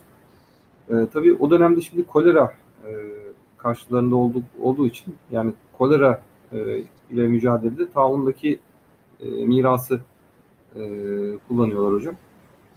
E, yani bu e, şey kısmında e, 19. yüzyılda tabii ayrıca çalışan hocalar var. E, ben onların alanında e, ve birikimine girmek istemiyorum saygısızlık olmasın. Yani kolera üzerine yapılan çalışmalar, makaleler var. E, burada ben sözü çok şey yapmayayım hocam. Mesela e, şeyde e, ko- kolera tedbirleri bir şey kuruluyor, encümen kur- kuruluyor. Orada e, yer alıyor şey Hamdan bin Osman el Cezayir'i. Ama e, bu bu birikimi e, daha ağırlıklı olarak Kullanıyor. şey, eserinde öyle benim gördüğüm kadarıyla yani Arapçasına da baktık, Türkçesine de baktık. E, yani kolerayı çok öyle ağırlıklı bir yer tutuyor mu? E, yani benim görebildiğim kadar hatırladığım kadarıyla yine e, mevcut şeyler ışığında e, konuşuyor şey. Yani Ahmet Tevhid Efendi'nin de Taşköprüzade'nin metnini çevirmesi yine 2. Mahmut döneminde o dönemdeki o kolera salgınıyla alakalı olabilir diye düşünüyoruz o zaman. Doğru hocam. Evet. Galiba az önceki soru şeyle ilgili sordu Derhal Hocam. Yani e, bu literatürdeki bu okült şeyler, e, uygulamalar da pek bir sıcak bakılmıyor diye bilmiyorum. E, ben öyle bir... Yok yok o anlamda sormadım. Ben hani klasik bir alimin e, modern bir uygulamayı çok hararetli bir şekilde desteklediğini e, söylüyorsun. Karantinaya e, falan. O ilginç yani şu, açıdan ilginç. Genelde tam tersi düşünülür ya. Hani İstanbul'da ilk balon uçurulduğu zaman biliyorsun e, ilk bilmek isteyen kişi o dönemde medresede Semaniye medreselerinde öğrenci olan Mustafa Sabri Efendi'dir. Hani bu işlerin öyle deminle alakası olmadığını göstermek için. E, genelde bizde tersi bilinir hani a- e, klasik e, geleneğe mensup alimler bu tür modern uygulamalara sıcak bakmadılar gibi. Ama tam tersine bu Cezayirli klasik bir e, altyapıdan gelmekle birlikte devletin uyguladığı o modern e, şeyleri de destekliyor ve hatta bunları tavsiye ediyor. O anlamda sordum. Yani tamam doğru evet. Ben yanlış anladım o zaman. Yani karantina meclisi kuruluyor. Onun e, bir üye- üyesi. e, Çok kendisi- ilginç o yani. Yani o e, orada bu şeyin yanında karantina e, yani eserinde değil de diğer başka tarihi kaynaklara baktığımızda bunu yoğunluklu bir şekilde önerdiğini görüyoruz. Ama e, şöyle bir durum var. Ahmet Tevhid Efendi'nin Taşköprüzade çevirisi de 2. Mahmut Han döneminde yapılıyor. Orada mesela o sonundaki okült kısım e, çeviride yok. Yani acaba e, buna bir şey mi var? Yani e, Yani o dönemde biliyorsun hani matematikçi Ahmet Tevhid Efendi Beşiktaş Ulema grubunun mensubu. E, dolayısıyla o dönemde bu tür ilimlere biraz e, şey bakılabilir. Cevdet Paşa'nın hemen bir süre sonra İbn Haldun'un e, mukaddimesinin 6. kısmını çevirirken de okült bilimleri için söylediklerini de dikkate alırsak böyle bir yönelimden kaynaklanıyor olabilir mesela. Yani tabii üzerine çalışmak lazım. Yani hocam Ee, şöyle bir örnek daha var. Mesela e, Molla Lütfi'nin eseri e, daha kısa bir eser. Onun da böyle iki sayfalık bu okült tartışmalara girdiği bir bölüm var. E, o da bana çok ilginç geldi. Tabii o, o zaman artık e, yani yeni modern yöntemlere geçiyor artık. Mikrop var. Eserin basıldığı tarih çünkü 1940. E, eseri e, e, Şerafettin Henry Yalçın- Corbin, evet, Henry Corbin, Şerafettin Yalkaya Adnan adı var. Evet, Adnan Adıvar ve Corbin e, Fransızca'ya çeviriyor. Şerafettin Evet. Yapkı'ya e, tahkikini yapıyor. O iki sayfalık kısım Arapça metinde var. E, fakat çeviride orası yok. Yani o da acaba Ama Muhammed- 1940'lar tabii yeni e, saklıyorlar o, o dönemde okült bilimler hani bir Osmanlı aliminin böyle bir meseleyi okült bilime bağlaması o dönemin şartlarında gayet normal. Yani Newton'un horoskobunun olması, Kepler'in o tür Evet. alimlerin hepsi bu tür şeylere uğraşıyor. E, tabii e, yeri, Evet. hani yeri gelmişken söyleyeyim e, Molla Lütfi meselesi, Molla Lütfi'nin o Kadifun Mezbahı yeniden yorumlanması gereken bir metin. E, o konuyla alakalı ben bir çalışma yapıyorum. Ee, onu daha sonra aramızda da konuşabiliriz. Şimdi bir saati doldurduk e, Müstakim Hocam. Son olarak senin makale hakkında toparlayıcı birkaç cümleni alıp ondan sonra soru kısmına e, geçelim istersen. Buyur. e, hocam şöyle birkaç şey var. E, aslında vardı ama bunlardan bir iki maddeyi söyleyerek bitireyim ben. E, bunlardan bir tanesi bu literatür ve benzeri başka metinler disiplinler arası e, çalışmayı gerektiriyor gerçekten. Yani sadece hekim olmak, yani tıp mezunu olup e, tıp tarihi alanında çalışmak, e, İslam felsefecisi olmak, İslam bilim tarihi veya bilim tarihi genel anlamda çalışan veya Osmanlı tarihi çalışan, bunun dışında hadis olabilir, yani kelam çalışan herkesin bir şekilde e, girebileceği bir literatür ama bana göre yani disiplinler arası çalışmayı tıp tarihinin birçok alanı olduğu gibi bu literatürde e, hak ediyor. Dolayısıyla yani farklı e, alanlarda birikimleri olan insanların e, bu metinler üzerine e, bence bir böyle beyin fırtınası yaparak ve e, bu konularla ilgili tartışmalarda e, ortak e, şeyler, çalışmalar yapmasının alan için çok önemli olduğunu düşünüyorum. Yine bir takım hukuk problemleri var. Bazı biyoetik e, problemler var. Mesela biyoetik e, son zamanlarda çok çalışılan bir alan tıp tarihi ve etik bölümlerinde. E, benim bilebildiğim kadar modern yani Avrupa'da gelişen o biyoetik e, problemleri ve oradaki literatür, oradaki tartışmalar İslam dünyasında tartışılıyor. Bunlara fıkhi, fıkhi ve kelami bir takım unsurlar ikame ediliyor ama e, bu da biraz e, tam yerine oturmuyor. O anlamda e, bu literatürde de mesela buraya çok e, malzeme taşıyabileceğimiz şeyler var.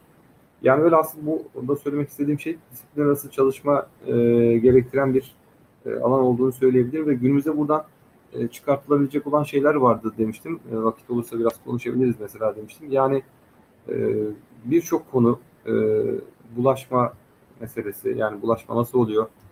E, bu bu es, esnada hani bugün tabii tıbben bir açıklaması var bunun. E, ve bir takım yine hukuki yaptırımlar var. E, değil mi? Bugün e, HES kodu olmadan bir yerlere gidilmiyor. İşte şimdi aşı karnesinden bahsediyor uluslararası yurt dışı seyahatlerde. E, bir sürü hukuki şey var. O dönemin içerisinde benzer hukuki e, tartışmalar var. Yani o literatürden e, günümüze e, intikal edebilecek bir takım tartışmalar var. Elbette ki güncelleyerek. Dolayısıyla bu anlamda biyoetik çalışmalarına da e, çok önemli bir e, buradan miras e, malzeme çıkabileceğini e, düşünüyorum hocam. Bunu mutlaka eklemek istedim. Önemli bir. Evet, evet doğru doğru.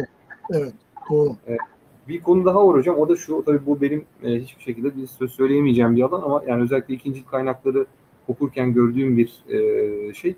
Şimdi ben e, bu konuda çalışan birçok kişi tarihsel e, çalışmalarda kullanılan yöntemleri kullanıyoruz elbette. Yani arşiv kaynaklarını veya işte bizzat yazma eserleri neyse bunları okuyoruz. Buradan bir takım e, çıkarımlar yapıyoruz ama e, tıp tarihçileri bunların dışında bazı e, yöntemler öneriyorlar. Bunlardan bir tanesi yine Nükhet Varlık Hoca'nın şeyinde tezinde de çalışmalarında kullandığı ve e, zikrettiği üzere paleogenetik e, yöntem denilen yani e, kalıntıların, fosillerin, e, eşyaların üzerinde bir takım araştırmalar yaparak oradaki bakterinin, mikrobun e, genetiğini e, öğrenerek tarihini, dönemini, e, o dönemin sıcaklık vesaire birçok buradan veri e, çıkartıyorlar ve e, bunlarla tarihi e, verileri teyit etmeye e, çalışıyorlar. Dolayısıyla e, bu anlamda demin de söylediğim o disiplin arası çalışmanın bir tarafı da burası ama bu e, tabii Türkiye şartlarında bilemiyorum böyle bir böyle çalışmalar yapılabilir mi? Fakat dünyada yapıldığını görüyoruz ve biliyoruz tıp fakültelerinde yapılabilir gayet doğal olarak oradaki deontoloji bölümlerinde e, laboratuvarlarda mümkün tabii. Yok şey anlamayacak. Tarih, tarih araştırmalarında. Tarih araştırmalarında da yapılabilir. Çünkü orada tıp tarih araştırması yapan bölümler var. Eğer bu yöntemler orada e, teklif edilirse ve e, uygulama alanı e, olursa yapılabilir aslında. Yani altyapı olarak mümkün olduğunu düşünüyorum tabii. Bu bir bilinç meselesi neticede. Evet, yani bu konuda dediğim gibi ben e, ikinci kaynaklardan okuduğumuz, gördüğümüz bir şey ve evet. bunu son zamanlarda yoğun bir şekilde e, yapılan çalışmalarda, İngilizce çalışmalarda kullandıklarını görüyoruz ve işte bu e, dördüncü bir e, pandemiden bahseden e, bazı tıp tarihçileri bunu e, paleogenetik araştırmalarla destekleneceğini, farklı bir e, bakteri e, türünden bahsediyorlar. E, özellikle Moğol e, istilası sonrası ortaya çıkan bir şey için, bir salgından bahsediyorlar. E, bu tabii dediğim gibi yani benim makalenin dışında bir konu. Bu konuları ben e, girmedim ama bunu da burada zikretmek evet. istiyorum. Evet. Teşekkür ederiz Müstakim Hocam. Evet. E, şimdi soru kısmına geçeceğiz. Ben şöyle bir özet yapayım. Şimdi bir Fransız tıp felsefecisinin e, çok e, çarpıcı bir sözü vardır. E, tıp e, tüm insani e, bilimlerin kesiştiği noktada ortaya çıkar. Çünkü konusu insan olduğu için insan bir e, fizik varlıktır, bir ahlak varlığıdır, bir değer varlığıdır, bir anlam metafizik varlıktır, anlam varlığı olduğu için bir hukuk varlığıdır, bir dini varlıktır. Yani dolayısıyla e, insan üzerine e, uğraşan tıp tüm bunları e, dikkate almak zorundadır. İnsanın bir şahsiyeti vardır, bir kişiliği vardır, bir kimliği vardır filan. O açıdan senin bu son yaptığın ekleme e, hani hem biyoetik açısından efendim e, çeşitli disiplinler açısından e, e, bu meseleleri çalışmak e, bugünkü tıp felsefesinin vurguladığı bir konu. Dolayısıyla bu geriye doğru taşındığında da orada da hasta dediğimiz kişi, insan, kimse onun bir e, değer varlığı olduğunu, bir hukuk varlığı olduğunu, bir inanç varlığı olduğunu, tüm bunları dikkate alarak çalışılması gerektiğini zaten bize veriyor. Şimdi e, Hocam pardon. Orada Hı. iki cümleyle bir katkı yapmak istiyorum. Aslında makalede var ama e, burada bunu da söylemek Evet. iyi olur. Mesela İdrisi Bitlisi ve Taşköprüzade yani hem hastaların hem de ölülerin hukukundan e, bahsediyorlar. bahsediyorlar. Evet, çok Önemli bir bölüm orası aslında. Yani hususen yazı yazılacak bir e, kısım. Yani ölülere hasta, karşı hasta hakları yani hasta hakları dedikleri bugün Evet. değil mi? Yani hukuk o, o demek. E, bunlar üzerine e, genç arkadaşlar e, tabii hepsini sen ya da sizin birlikte çalıştığınız ekip e, kotaramaz. E, bu, bunun için belki hukukçular lazım. Çağdaş e, hasta hakları çalışan arkadaşlar. E, pek çok e, araştırma konusunda çıkıyor açıkçası bu konuda. E, bu, bu tür çalışmalarda. Şimdi e, makalenin e, bütününü e, aslında ana hatlarıyla da özetlemiş olduk.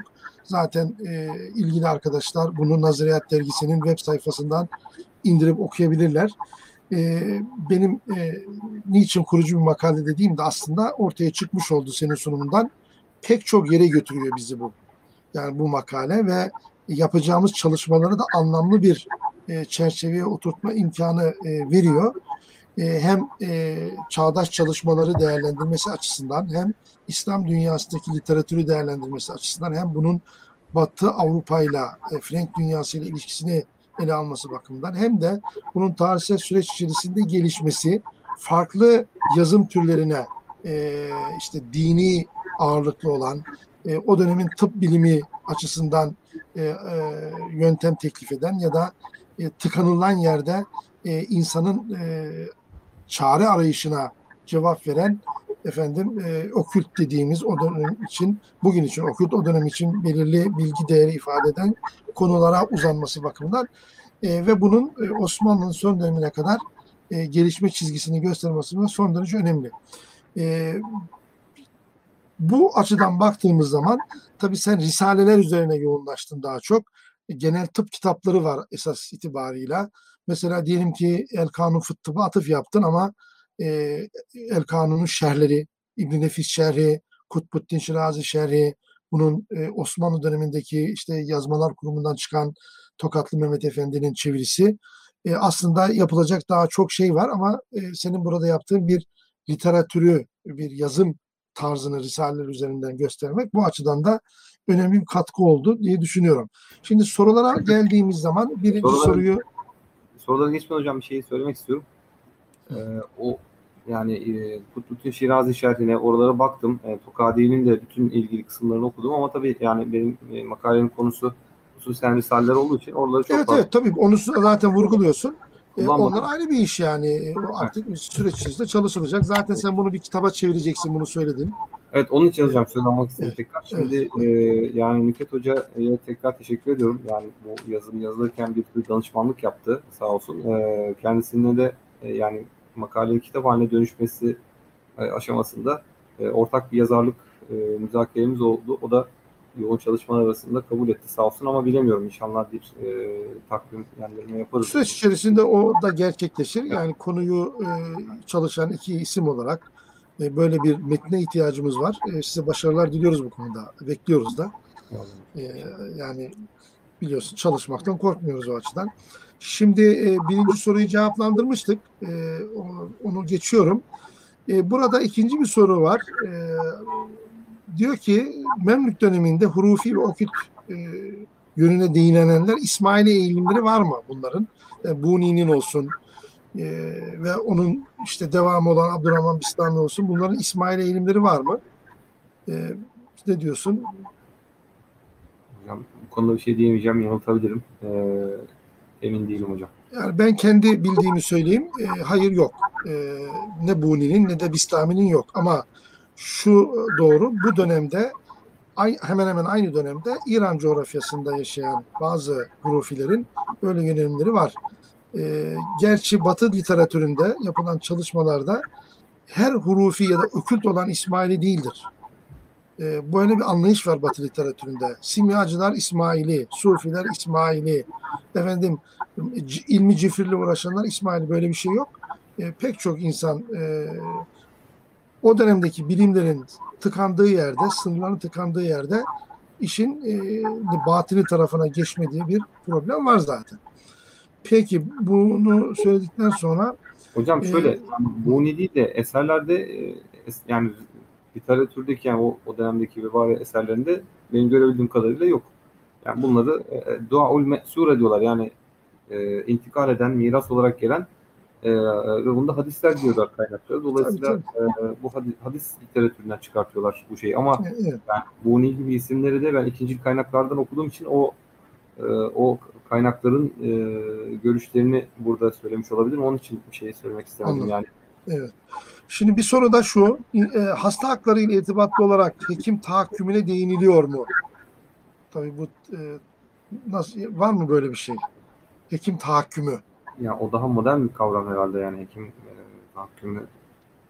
Mesela e, Taşköprüzade bu konuyla alakalı bir şey söylüyor mu?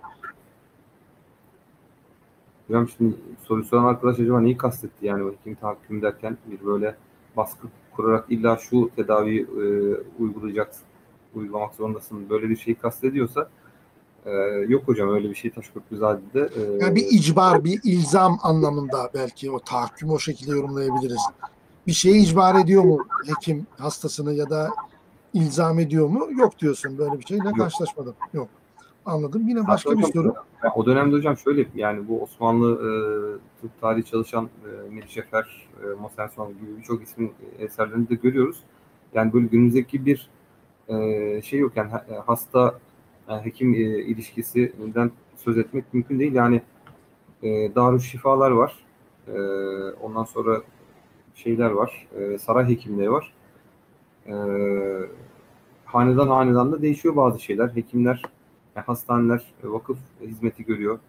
Ee, yani birçok farklı şey var. Dolayısıyla burada söylenenle o dönemin şeyini böyle e, e, nasıl söyleyeyim bir, aynı şeye oturtmak, aynı pozisyona oturtmak çok zor gibi geldi bana. Anladım. Ee, tabii o metinleri o açıdan da belki incelemek lazım. O döneme göre de farklı arz edebilir. Onu okumak gerekiyor. Şimdi Yani anladığım kadarıyla, an- sorudan anladığım kadarıyla olan kısmı eserlerde yok öyle bir durum. Anladım. Ee, şimdi başka bir soru. Zaman içinde değişen dünya görüşlerinin devletlerin salgınlara olan yaklaşımlarında ne tür farklarına söz edilebilir? Bu uzun bir konu. Yani her devletin yani onu- bunu geçelim. Bir de hocam benim uzmanlık alanım değil o yani. Yani, yani bir de böyle çok genel bir soru. Yani bu konuyla alakalı değil. Ee, Osmanlı Devleti'nin farklı padişahların döneminde öne çıkan bir farklı anlayış var mı? Bu da e, çok genel bir soru. Araştırmak yapmak lazım. O 600 yıllık bir Fakat dönem. hocam şöyle diyebiliriz yani ilk eserler 2. Bayezid döneminde yazılıyor. 2. Mahmut dönemi aynı eserler aynı literatür. Dolayısıyla yani 1500 onlardan 1810'lara kadar geldiğimizde 300 senede çok fazla değişen de bir durum yok. İşte karantina e, olacak. Sonra 2. Abdülhamit Han döneminde e, 19. yüzyıl tıp tarihi çalışan çok değerli isimler var Türkiye'de. Onların çalışmalarından biliyoruz. E, Avrupa'yı an yan takip ediyorlar. Oradaki şeyleri getirmeye çalışıyorlar buraya e, Pasteur, e, başka Avrupa'daki e, isimlerle Modern tıp dediğimiz zaten 1860'tan itibaren e, esas da virüs mikrobun keşfi, sonra diğer mikro cerrahi yapılar filan falan yani e, o klasik e, modern kimyanın uygulanmaya başlaması, Lavazer kimyasının e, çeşitli alanlara uygulanmaya başlamasıyla gelişiyor. Tıp fizik bilimine göre, kimya bilimine göre hatta biyolojiye göre tırnak içerisinde daha modern şeklini daha sonra daha geç tarihlerde alıyor ki ameliyatlarda bile bir şeylerde 19. yüzyılın sonlarına kadar afyon kullanılıyor henüz çünkü anestezi gibi icatlar yok malum. Bu açıdan e, e, şey değil. E, bu çok hı- hızlı değişim olmuyor ama e, 1860'tan sonra tıp çok hızlı bir şekilde gelişiyor. Cerrahi teknikler falan falan.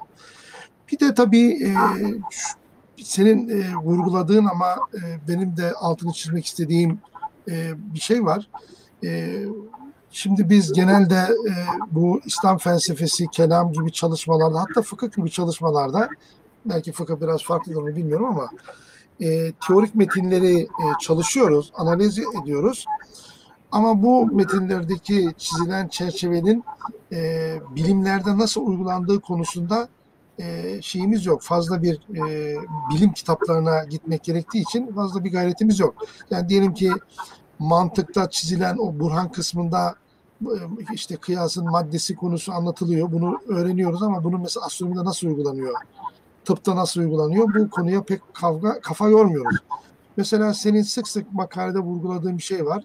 İşte e, bazı metinler özellikle İdrisi Bitlisi'nin Taşköprü metinleri neredeyse bir kelam metnine dönüşüyor. İhtiyar, irade, e, fail muhtar değil mi gibi konular tartışılmaya başlanıyor. Tevekkül kavramı bağlamında. Belki de e, bu metinleri tıp tarihinin yanında kelam tarihi, e, metafizik tarihi açısından da çalışmak gerekiyor. Hatta nedenler teorisi açısından. Ne tür nedenler? Hani e, fiziksel süreçlerin e, belirli e, güçlere indirgenmesi hikayesi çok eskidir. E, bu modern fiziğin ortaya çıkmasında da e, yani bir hareket var. Bu hareketin ortaya çıkmasını sağlayan e, fiziksel güçler nelerdir? E, vis viva tartışmalarına işte modern e, yapılara kadar giden. Burada da tıbbi nedensellik konusundaki tartışmalarla alakalı bir şeye rastladın mı? Bu da benim sorum olsun. Çünkü ben metni okurken onu not almışım. Tıbbi nedensel, ya tıpta nedensellik meselesi nasıl tartışılıyor? Fiziksel nedenselliğin sınırları neler? Tamam Kadir Muhtar şeyi en nihayetinde e, nihai ilke olması bakımından Tanrı'ya nispet ediliyor. Orada e, hiç problem yok ama bu nedensellik tartışmalarının bu metinlerde e, bir şey var mı? Hiç iziniz gördün mü? Bir karşılaştın mı? Bu gözle bakabildin mi Mustafa Evet, Hocam? kesinlikle var. Ee, aslında ben bir, bir şey daha eklemek istiyordum. On, ona da e, bağlamak için iyi oldu. bu. Vesile oldu bu. Evet. evet. vesile oldu. Ee, yani hastalığın nedenleri tartışılıyor başta.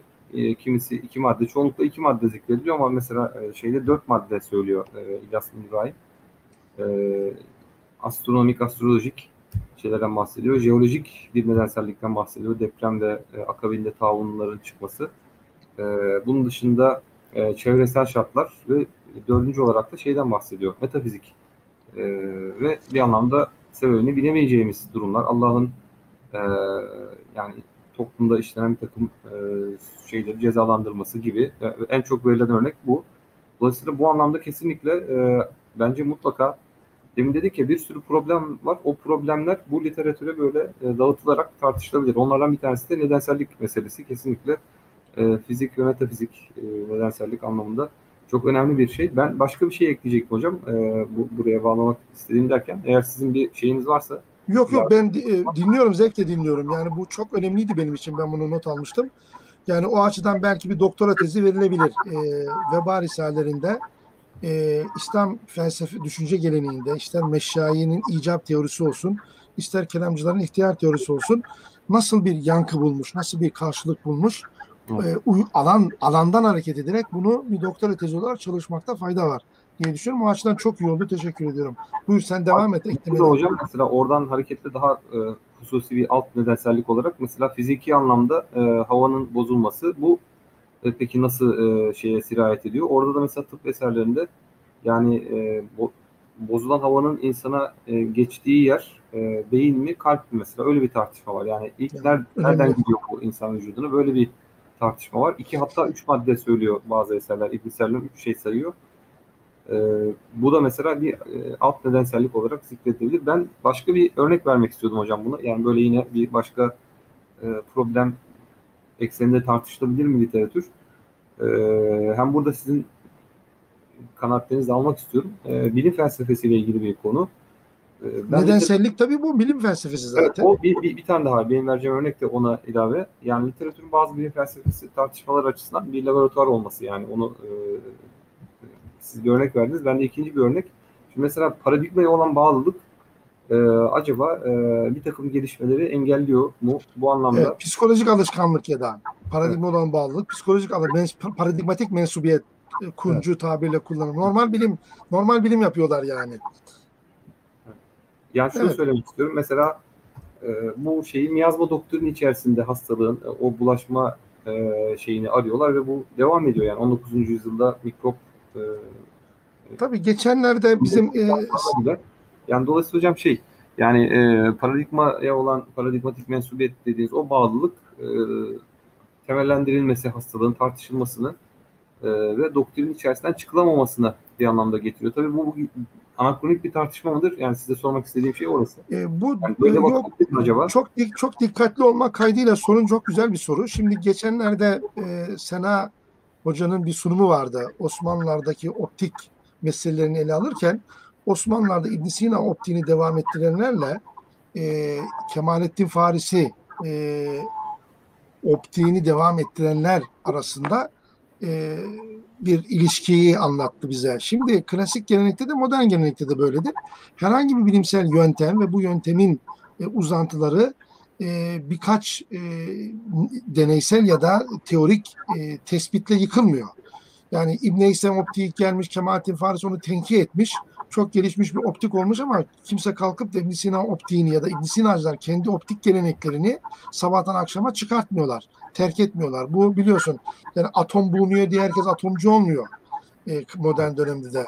Yani e, Thomson e, elektronu bulması, bul- bulmuş olmasına rağmen e, radikal empiristler e, Ernest Mach gibi e, atomu kabul etmiyorlar. Düşün atom elektron bulunmuş ama atom kabul edilmiyor ya da e, genel relativite, özel relativiteyi Einstein yayınlamış ama 1918'de Londra'da uluslararası e, esir kongresi yapıyor fizikçiler, fizik bilim adamları yani. Dolayısıyla bu 1920'ler sonrası kuantumdan sonra ortaya çıkan bilim anlayışı, bilimde her tür şeyin olabilirliği, olabileceği e, bazen standart mantık kurallarına aykırı olan durumların ortaya çıkmış anlayışı çok yeni bir anlayış. Ondan önce bu paradigmatik mensubiyetler senin ifade ettiğin gibi çok belirleyicidir ve e, hatta bu modern dönemde de Hawkings'le Hawkings'in arkadaşı arasındaki tartışmayı düşünün. E, kara delikler var mı yok mu e, gibi ya da evren genişliyor mu genişlemiyor mu? E, bunu genişlemediğini dolayısıyla Big Bang'i reddedenler 1960'lara kadar devam ettiler e, tezlerini temellendirmeye. Yani biz tabii bilimi e, büyük kütlesi içerisinde tanıyoruz. Bugün de bilimin uçlarında çok ciddi bilim adamlarının e, felsefi diyelim tırnak içerisinde tutumları var. E, ve o kendi teorilerine paradigmatik mensubiyetlerini sürdürüyorlar ve sonuna kadar gidiyorlar. Artık tamamen iflas ettiklerinde e, bunu diyelim ki spin teoriyi Michel Kaku hala savunuyor Harvard Üniversitesi'nde. Spin teori savunan neden bir kişi kaldı. Anlatabiliyor muyum? O açıdan bence klasik gelenekte bu paradigmatik mensubiyetlerin varlığı e, savunulacak e, çok daha e, garipsenecek bir yapı değil. Onu demek istiyorum. Bizde İbn Sina'cı zihniyet ya da işraki zihniyet ya da kelami zihniyet e, o büyük e, dönüşümleri yaşamadıkları müddetçe kendi e, paradigmatik mensubiyetlerini sonuna kadar devam ediyorlar. Pozisyonlarını savunuyorlar. Bazen ara çözümler, formüller buluyorlar. E, teorik tutum zaten biraz da budur. E, evrene teorik bakıyorsunuz neticede. Yani Newton'un sistemi kuruldu diye e, Fransızlar Descartes'çılıktan sabahtan akşama vazgeçmiyorlar. 1744'e kadar Descartes'çılar. E, ama Descartes'çılık çok açık bir meseleyi açıklayamadığı için e, işte bırakıyorlar filan. O açıdan e, dediğine katılıyorum ama bu illa olumsuz bir durum değildir paradigmatik mensubiyet. E, o felsefi tutumu ya da o bilimsel yönteme mensubiyeti sonuna kadar muhafaza ediyorlar ve onu e, kullanıyorlar e, diyebiliriz. Bu açıdan da incelenebilir. E, fakat alışkanlıkların getirdiği bir şey var. Geçen e, Toderi'nin kitabını tartışırken Toderi diyor ki Osmanlılar'da teleskop, mikroskop, şu bu bir sürü modern alet var ama bunları kullanıyorlar ama klasik aletleri kullanmaya o kadar alışmışlar ki ve onu o kadar hızlı ve verimli kullanıyorlar ki e, klasik eski aletleri tercih ediyorlar. Bu psikolojik alışkanlık, e, da son derece önemli. Biz bile işte diyelim ki uzaktan eğitime direndik. E, özellikle belli bir yaşın üstündeki olan hocalar. E, alet edevat kullanmamak değil sadece mesele, alışkanlıklar da alakalı değil mi? İşte Avrupa'daki pek çok filozof bunu ihanetle suçladı. Çünkü üniversitas kavramına aykırı dedi bu. Bir bakıyorsun yaş ortalamalar hepsi 70'in üstünde hocalar. Bunun alışkanlıkları da e, kabul etmemiz lazım. Hani e, Heisenberg'e e, kuantum teorisini e, yaşlı fizikçilere niye anlatmadığı sorulduğu zaman e, onlar anlamazlar bunu diyor. E, onların ölmesini beklemek lazım. Biz bunu gençlere anlatalım. Yani o pis, insan psikolojisini de reddetmemek lazım. O açıdan önemli bence bunlar. E, bu açıdan da bilim felsefesi konusu hatta bilim adamı psikolojisi e, olarak da incelenmeli. Henüz bizde o alanlar yok. Bilim adamı psikolojisi nedir mesela bizim gelenekte? O mensubiyetler nasıl oluşuyor? Değil mi? Bunları da incelememiz gerekiyor. Daha oralara gelmedik e, o açıdan. Evet, e, gayet güzel ve verimli bir sunum oldu. E, kişisel kanaatim pek çok e, konu çıktı buradan.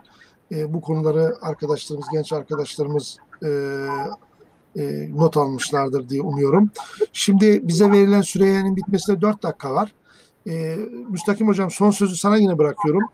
Bu çalışmadan hareket ederek gelecekteki e, yapmak istediklerin, düşündüklerin neler? E, tezgahta neler var? Hani bu standart bir sorudur. E, misafire bu sorulur. Aslında neler yapılıyor? E, bu çalışmayı, bu araştırmayı nerelere taşımayı düşünüyorsunuz? O konuyla alakalı da birkaç cümleni aldıktan sonra e, sohbeti sonlandıralım. Buyur dinliyorum.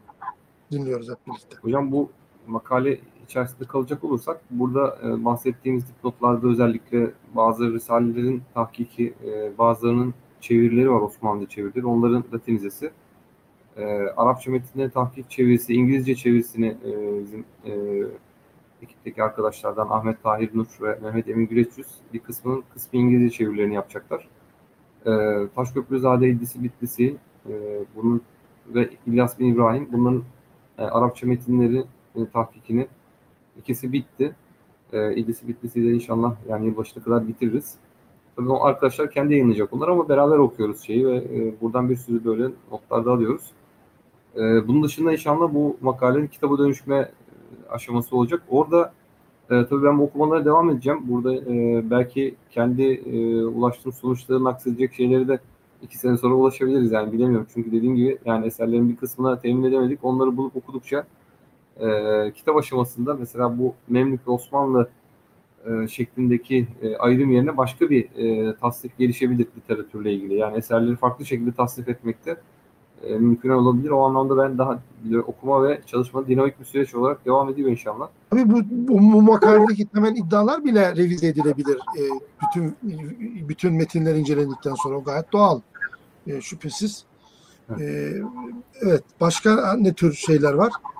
Bunlar hocam işte yani bu makale üzerinde yani bu konuyla ilgili olarak e, bir de e, bir TÜBİTAK projemiz var 17. yüzyılda e, yeni tıbbın Osmanlı'ya girişi. Onda yine bir grup arkadaşla çalışıyoruz. Ben burada tabii yani bir 10 yıldır yaklaşık e, yani İslam felsefesinin böyle bir kenarı tabii yani daha doğrusu nasıl söyleyeyim bir e, paralel bir alan e, İslam tıp tarihi tıp tarihi diyelim ama bir 10 yıldır yaklaşık okumalarıma devam ediyorum. Onu böyle zenginleştirecek yine birinci kaynakları okumalar e, devam ediyor ama yani tek başına e, birikimimiz asla yetmiyor. Dolayısıyla böyle bir grup halinde e, çalışıyoruz. Demin de söylediğim gibi o, o ortak aklı yani eczacılık, e, tıptan e, arkadaşlarla. E, 17. yüzyıl Osmanlı'da yeni tıbbın Osmanlı'ya girişi, İbn Sellum ve çevresi e, o da 2023'te sona erecek e, projemizin bir çıktısı olarak orayı da inşallah yine bu alanda bakalım e, çalışmalar devam edecek. Son derece önemli bir konu. Modern tıbbın e, ve diğer bilim dallarının girmesi, onlara verilen tepkiler. E, yıllar önce benim e, Amerika'da 2001'deki projemin adı buydu. Modern bilimin Osmanlı'ya girişi ve Osmanlı ulemasının e, buna tepkisi, tepkileriydi. E, tabii bunu çok çeşitli açılardan çalışmak lazım. Ben daha çok onu matematik bilimler açısından e, incelemiştim e, matematik, modern matematik e, ile alakalı. Ee, evet, son derece verimli bir e, sunum oldu. Tekrar e, Nazariyat Dergisi'ne, e, İLEM'e e, ve orada e, görevli olan e, arkadaşlara emekleri için teşekkür ediyoruz. Bahusus özellikle Müstakim Hoca'ya e, bu güzel sunumdan ve e, tartışmadan dolayı e, müteşekkiriz. Ve ayrıca e, bizi bir buçuk saat boyunca dinleyen tüm arkadaşlara da teşekkür ediyoruz. E, İLEM'in e, ve nazariyatın başka bir e, toplantısında, başka bir nazariyat konuşmalarında buluşmak üzere hepinize iyi akşamlar diliyorum. Evet, akşamlar.